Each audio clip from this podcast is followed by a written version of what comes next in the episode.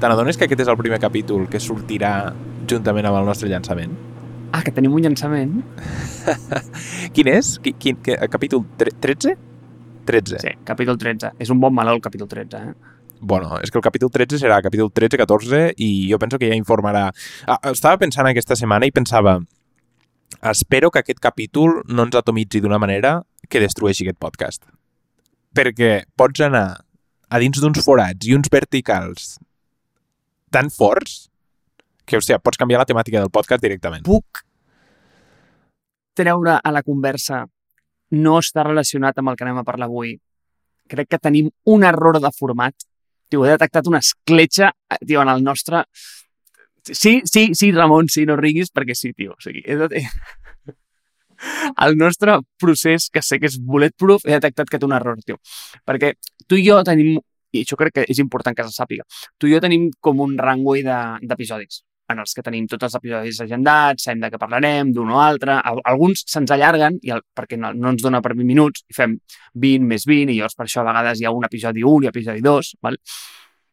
Però clar, hi ha un error en el format, Ramon, i és que hi ha un glitch en el sistema, que és que la gent no sap del que anem a parlar in advance. Llavors, tu ara i jo, tio, ens estem fregant les mans perquè anem a parlar d'una cosa que ens mola, però ningú té absolutament ni idea. Llavors això, bueno, hem d'anar al quarto de pensar i hem de resoldre-ho. Ara no, vale? perquè tenim 20 minuts, dels quals ens hem menjat pues, potser dos, així que que ho sàpigues. Vale? I crec que és important. De què anem a parlar avui, Ramon? O, o almenys, almenys, almenys, quina és la idea que tenim eh, de parlar avui i després parlarem del que ens surti, ¿vale? però eh, més o menys mm, que, eh, per on anem? Per on anem? M'encanten dos coses aquí. Una és que estiguem definint formats del podcast dins del podcast, o sigui, això et parla de, de la quantitat de preparació que, que li estem ficant a, a tot això, tot i que estem preparats. Um, I l'altra Bueno, l'altre... Mira, m'estava dient un, un amic meu que estava escoltant el podcast tio, m'encanta com et perds al mig dels teus arguments. I és totalment cert. M'acabo de perdre una altra vegada. Però, bueno, sigui com sigui, uh, bueno, l'altra cosa que m'encanta és que encara no haguem parlat de com parlarem d'aquest problema. I el que voldríem parlar avui és...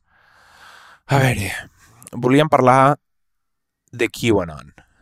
Però no de QAnon la és a dir, clar, però aquí s'ha de ficar molt context. Per tant, a mi m'agradaria encarar-ho molt més. Abans de que parlar de QAnon, m'agradaria parlar de les teories conspiratòries internet i probablement com les xarxes socials poden magnificar un, uh, la desinformació, les fake news, però també uh, les teories conspiratòries i com aquestes es magnifiquen uh, quan, quan li dones plataforma a gent que probablement o no hauria de tenir plataforma o, o no l'hauria de tenir tan gran. Vale. A veure, és que em fa gràcia...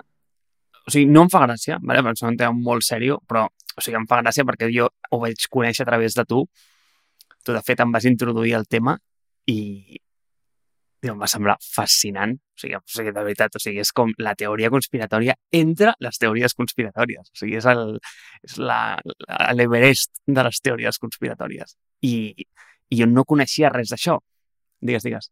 I, I el que està bé aquesta, eh, sobre aquesta teoria conspiratòria és que no és una teoria conspiratòria com els terraplanistes o, o qualsevol cosa així. I, i no ens tornarem uh, conspiratoris o qualsevol cosa. Simplement m'agradaria analitzar d'aquesta teoria conspiratòria com uh, unes un grup de persones marginalitzades o, o que tenien grans problemes de eh, o problemes de grandesa i coses així, s'han ficat juntes, s'han trobat a internet i han pogut crear un cosmos que sembla, és a dir, sembla el Senyor dels Anells, la, el llibre que s'han creat i, la, i la, les teories que s'han creat i, i sembla bàsicament com, com l'estudi de la Bíblia.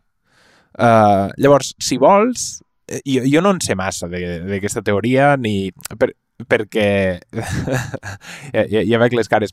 A veure, no en sé massa, em refereixo que aquesta teoria conspiratòria és una teoria conspiratòria que neix uh, uns, uns dels canals que, dels, dels quals jo no trafico, és a dir, neix a 4chan, 8chan, uh, el, el, el Reddit, el, el board de política... Llavors jo, jo no entro en aquestes coses i, no, i és una teoria conspiratòria que va molt lligada amb els Estats Units. Però tot i així, més que la teoria conspiratòria, m'agradaria analitzar, és a dir, explicar-la, donar una mica de context a la teoria conspiratòria aquesta de QAnon i Pizzagate, mm, també, que és la, la teoria conspiratòria que ve abans. Llavors, després, com es forma això i les conseqüències que ha tingut. I ja faré una, una mica de spoiler amb les conseqüències. Hi ha gent... Hi ha hagut morts per aquesta teoria conspiratòria. Hi ha hagut gent amb armes que ha entrat a llocs uh, amenaçant a altra gent. Uh, i, i, i, bueno, hi, hi ha hagut pràcticament revolucions que s'han estat a punt de formar contra antifeixistes, o sigui, antifeixistes contra, uh, contra gent de molt dretes, etc etc. Per tant, mm, o sigui, això no estem fent broma, és una teoria conspiratòria, com tu dius, molt sèria. Però és còmic la manera en què es formen aquestes coses i la manera en com, com, com es... Com, com, com una... Com, com, com permen totes les capes de, de la nostra societat. Em sembla fascinant. I, i tu, mira, Ara et deixo que tu expliquis eh, el que és i una mica com per sobre pues, eh, què és el que toca, m'expliques que eh, allò de where, where we go one, we go all, saps? Aquest, eh, take the oath, eh, i què cony vol dir tot això. Eh, i tu, eh, tu aquí li dones renda suelta i m'agrada molt aquest angle que li vols donar com de les conseqüències que ha tingut. Eh, però m'ha interessat més i a mi el que em té molt fascinat és sobretot l'últim que has dit. És el de què és el que ha causat tot això? I jo crec que el que causa tot això al final no és més que la naturalesa dels productes que l'estan distribuint. I, eh, bueno, doncs, què és el que primen i què és, eh, de, de, de quina manera eh, ells mateixos es reincentiven perquè aquestes coses creixin i, i com aquest tipus de contingut eh, té aquesta distribució tan brutal al final, quasi, quasi, d'una manera orgànica dintre del sistema, perquè el sistema està pensat perquè això passi. I, i et dic, eh, aquest és l'angle que m'interessa molt a mi, llavors, bueno, no sé quan acabarem de parlar això, aquest, jo crec que aquest capítol pot tenir 28 episodis, però bueno, ja, ja, ja l'anirem tocant, perquè anirà sortint eh, per, per mil, no sé, per mil racons, així que no et preocupis. Ramon, va, explica'm una mica d'Accionant. No, i vull ficar una xinxeta aquí, perquè no vull que sigui un capítol desordenat, perquè és un, és un com has dit tu, és un tema tan llarg que, eh, ja et dic, podria canviar el podcast, però vull ficar una xinxeta aquí perquè, mm, clar, els productes incentiven eh, que, que, que aquesta informació arribi a tothom, tot i així a la gent li agrada consumir aquesta, aquesta informació també. És a dir, és, és un paper de doble cara. És a dir, si la gent no volgués, si la gent no volgués veure morts o si la gent no volgués veure males notícies perquè dona endorfines i dona, i dona dopamina al teu cap perquè penses, mira, jo no sóc tan dolent, les notícies no serien totes dolentes i serien bones. Llavors, aquí hi ha una, una part de naturalesa humana també.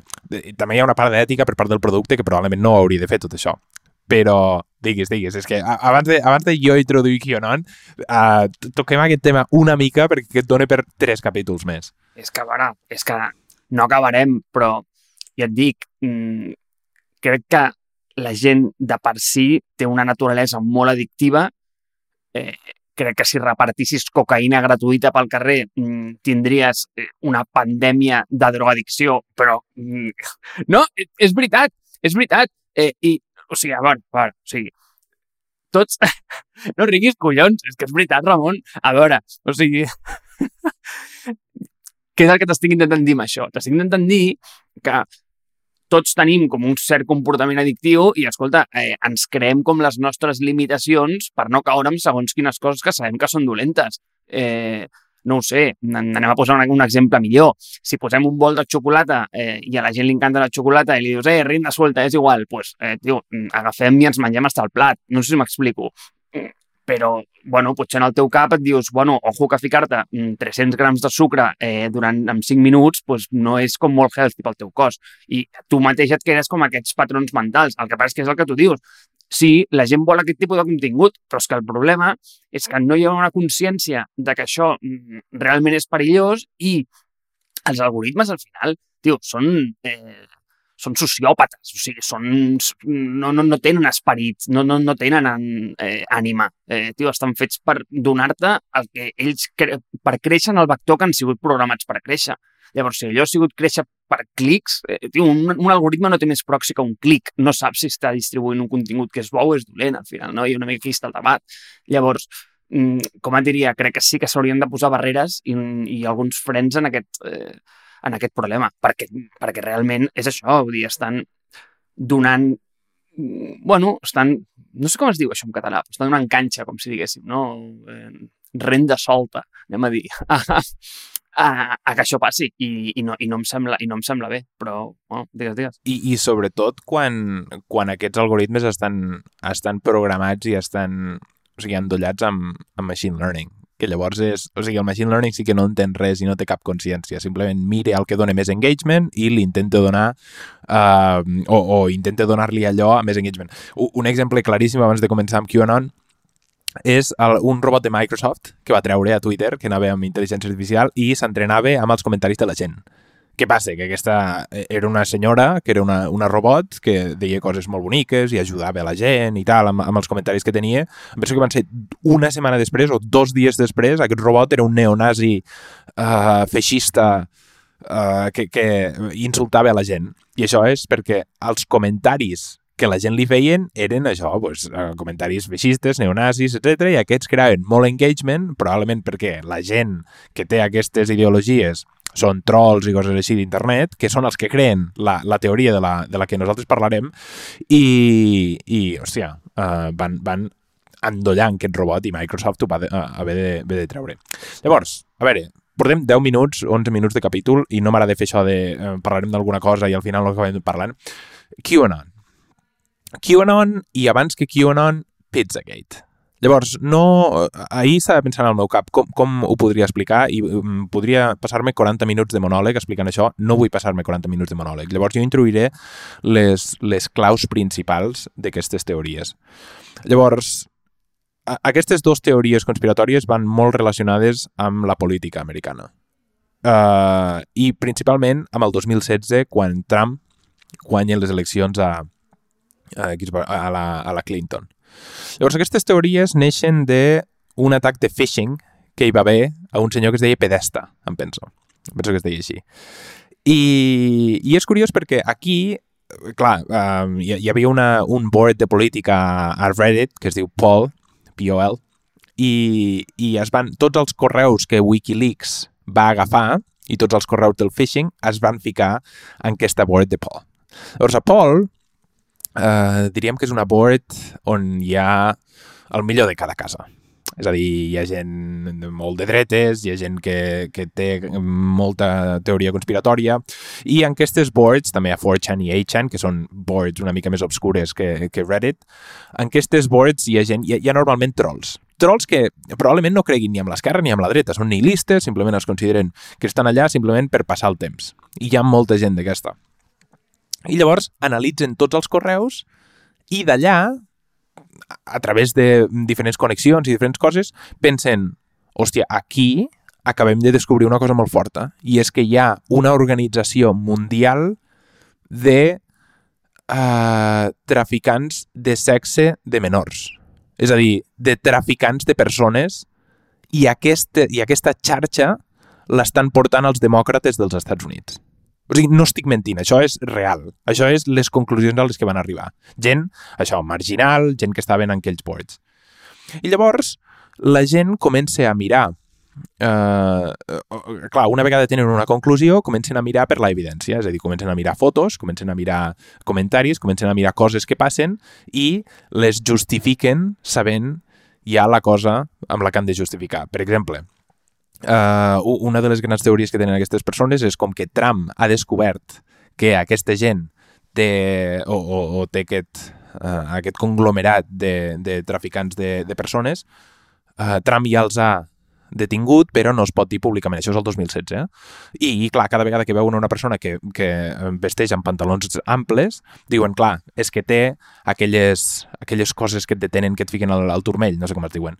Uh, ho, ho tenen i llavors, clar, estan detinguts però encara no se sap al públic, etc etc. Llavors, això que sembla una cosa que és, sembla una tonteria, justificar això o anar en contra d'això, uh, fa que gent als Estats Units o, o, o que comenci a agafar tracció dins dels Estats Units. I fins que veu un tio que agafa una AK-47 o una M4 o qualsevol arma d'aquestes, una semiautomàtica, i se'n va al lloc principal de Washington on diuen que tot aquest sex ring està passant. I se'n va amenaçar perquè diu que ell està investigant de manera personal que no l'ha enviat ningú i se'n va allà a amenaçar la gent que li donguin tota la informació per a veure si això és veritat o no. Llavors aquest és el primer, la, la, primera, la primera vegada que una teoria així agafa aquest nivell de realitat. És a dir, amb una persona que al final arriba l'FBI, se l'emporta, etc etc. Llavors d'això, que és Pizzagate, neix QAnon, que és bàsicament Pizzagate, però amb esteroides. Molt més que això, i una cosa que causa una revolució als Estats Units de milions i milions i milions de persones. Llavors, QAnon. No vull anar massa ràpid, però neix d'una manera bastant similar. Uh, neix a, a 4chan, em penso, o a 8chan. I la manera que neix QAnon és molt més curiós. La gent a internet està avorrida i, per tant, el que feien era jocs. Uh, I el que feien era fer-se passar per gent com la Hillary Clinton o l'Obama o el Trump o qualsevol cosa i ficava un missatge a, a 4chan dient tinc informació classificada, tal, tal, tal.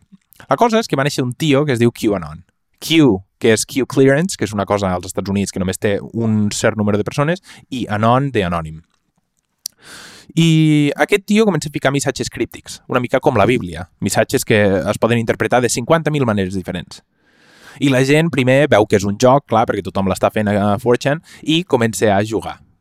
Però això, com que aquest tio és tan bo donant aquests, aquestes, aquests grans, aquestes molles que ell li diu, la gent es comença a enganxar. I gent de fora del joc es comença a enganxar dins. I clar, arriba un moment, i m'agrada molt aquesta analogia del mono, és a dir, hi ha, hi ha una escala i hi ha tres monos. Aquí faig un parèntesi. Hi ha una escala i hi ha tres monos. Llavors, quan els monos pugen, els investigadors els hi tiren aigua. Llavors, treuen un mono vell i, i cada vegada que ho fan els hi tiren aigua. I llavors al final no ho fan. Llavors, cada vegada treuen un mono d'aquells que estaven allà i en fiquen un de nou. Llavors, quan el nou intenta fer allò, eh, els altres dos monos li diuen no, no, no, no ho facis, no pugis a les escales, que ens mullaran. Llavors treuen un de vell i en fiquen un de nou. Treuen un de vell i en fiquen un de nou. I al cap són tres vells, que, o tres, tres monos nous que encara no s'han mullat, i quan un dels tres intenta pujar les escales, els altres dos li diuen no, no, no, no pugis. Però els hi estan dient no, no, no, no pugis, però no saben per què. Llavors això és el que passa una mica a, a QAnon. Hi ha molta gent nova que no sap que estan a dins d'un joc. Llavors, ja per acabar, eh, això se'n va a totes les teories o, o tots els networks d'extrema dreta dels Estats Units i això, que era una cosa que van començar nens de 12, 13, 14 anys, s'expandeix a tota la societat americana. Gent de 40, 50, 60, 70 anys. I aquesta gent comença a fer manifestacions, comença a a, a, a, bàsicament a fer pues això, associacions de QAnon, comença a pensar que realment QAnon és una entitat que està dins del govern i el que és més curiós és que gent de dins del govern, gent seriosa, en teoria, comença a apoyar QAnon.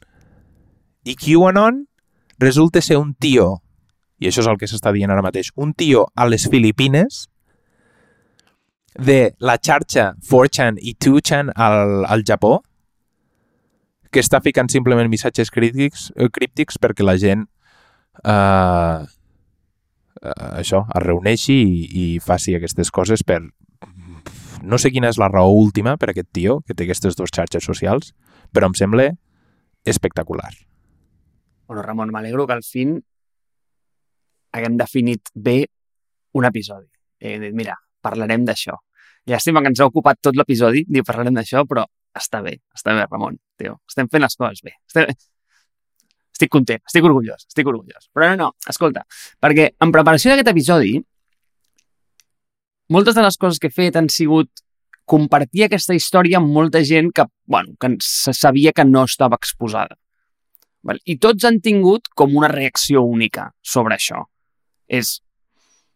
Tio, però, sí. I mira, i això et, et vindrà al cap una cosa com que parlem molt, que és, em diuen, no, és que, tio, però que, que no veuen que això és impossible, que, que, que és tonta la gent. Em diuen que, és que, que, que, que, que, que no veuen que això és, és irreal, que, que se'ls estan en la flapa. I, i, i, i pensa-ho bé, o sigui, tu has tret com només una petita part d'aquesta teoria conspiratòria, però això, tot el que ha mogut i totes les coses que s'han arribat a dir sobre això, mm, i no diré bajanades, ¿vale? O sigui, intentaré ser el, el màxim objectiu. No, no diré ni que sigui cert ni que no, ¿vale? Simplement et diré són coses que costen molt de creure. Val? O sigui, des de que tu, perquè tu has dit una red de pedòfils, però també diuen que són caníbals i que es mengen la carn dels nens. Eh, I que és que hi havia una molt bona, que és que, que Kennedy el 99 va fingir la seva mort i que ell era Q. Eh, eh, és com, bueno, o sigui, com coses com que anem a dir que costen de creure, vale? almenys eh, semblen màgia. Llavors tothom diu, no, però, tio, però com aquesta gent pot creure tot això? Perquè són tontos, és a dir, que, que, que estan sonats o què? I, i clar, pensant sobre això, i una mica què és el que ha provocat aquest sistema, i, i bàsicament és el que, el que, el que comentàvem abans, no? És a dir, com, com funciona un algoritme d'aquests? O sigui, com, com, com s'expandeix aquesta informació? pues, tu has de pensar com quins són els, seu, els seus incentius. I els seus incentius quins són? És vendre't més anuncis, no? És a dir, tu vols que estiguis com més rato engage. Llavors, ells et donen un contingut, anem a dir, de polèmica grau 2. Eh, diuen que això és que són pedòfils, va i veuen que jo per tu és engage. Què fa l'algoritme? Tio, pues, eh, mira, i això és el que comentàvem en l'episodi de TikTok. És dir, tio, et donen contingut de grau 4 i prova, saps? I contingut de grau 4 és que, tio, Kennedy, el 99, va fingir la seva mort i, i ell és, i, i ell és QAnon, ¿vale? I, tio, i, i, segueixen enganxat. I veu que allò, tio, té tracció i, i agafa més. I què et dona, tio? Contingut ja com de nivell 6. Anem a veure si cola el tema dels pedòfils. I tu què fas? I el tema dels, dels caníbals. I, I tu què fas? Tio, segueixes en el loop. I llavors tu dius, no, és que eh, aquesta gent no veu que això és estúpid, que això no és real. Bueno, bueno, és que aquest és el problema. És que aquestes bombolles que això et crea, és que al final el que fas és que cadascú tio, viu com en la seva bombolla particular. És a dir, eh, dir que cadascú està vivint en el seu particular show de Truman, a dia d'avui, no és cap tonteria.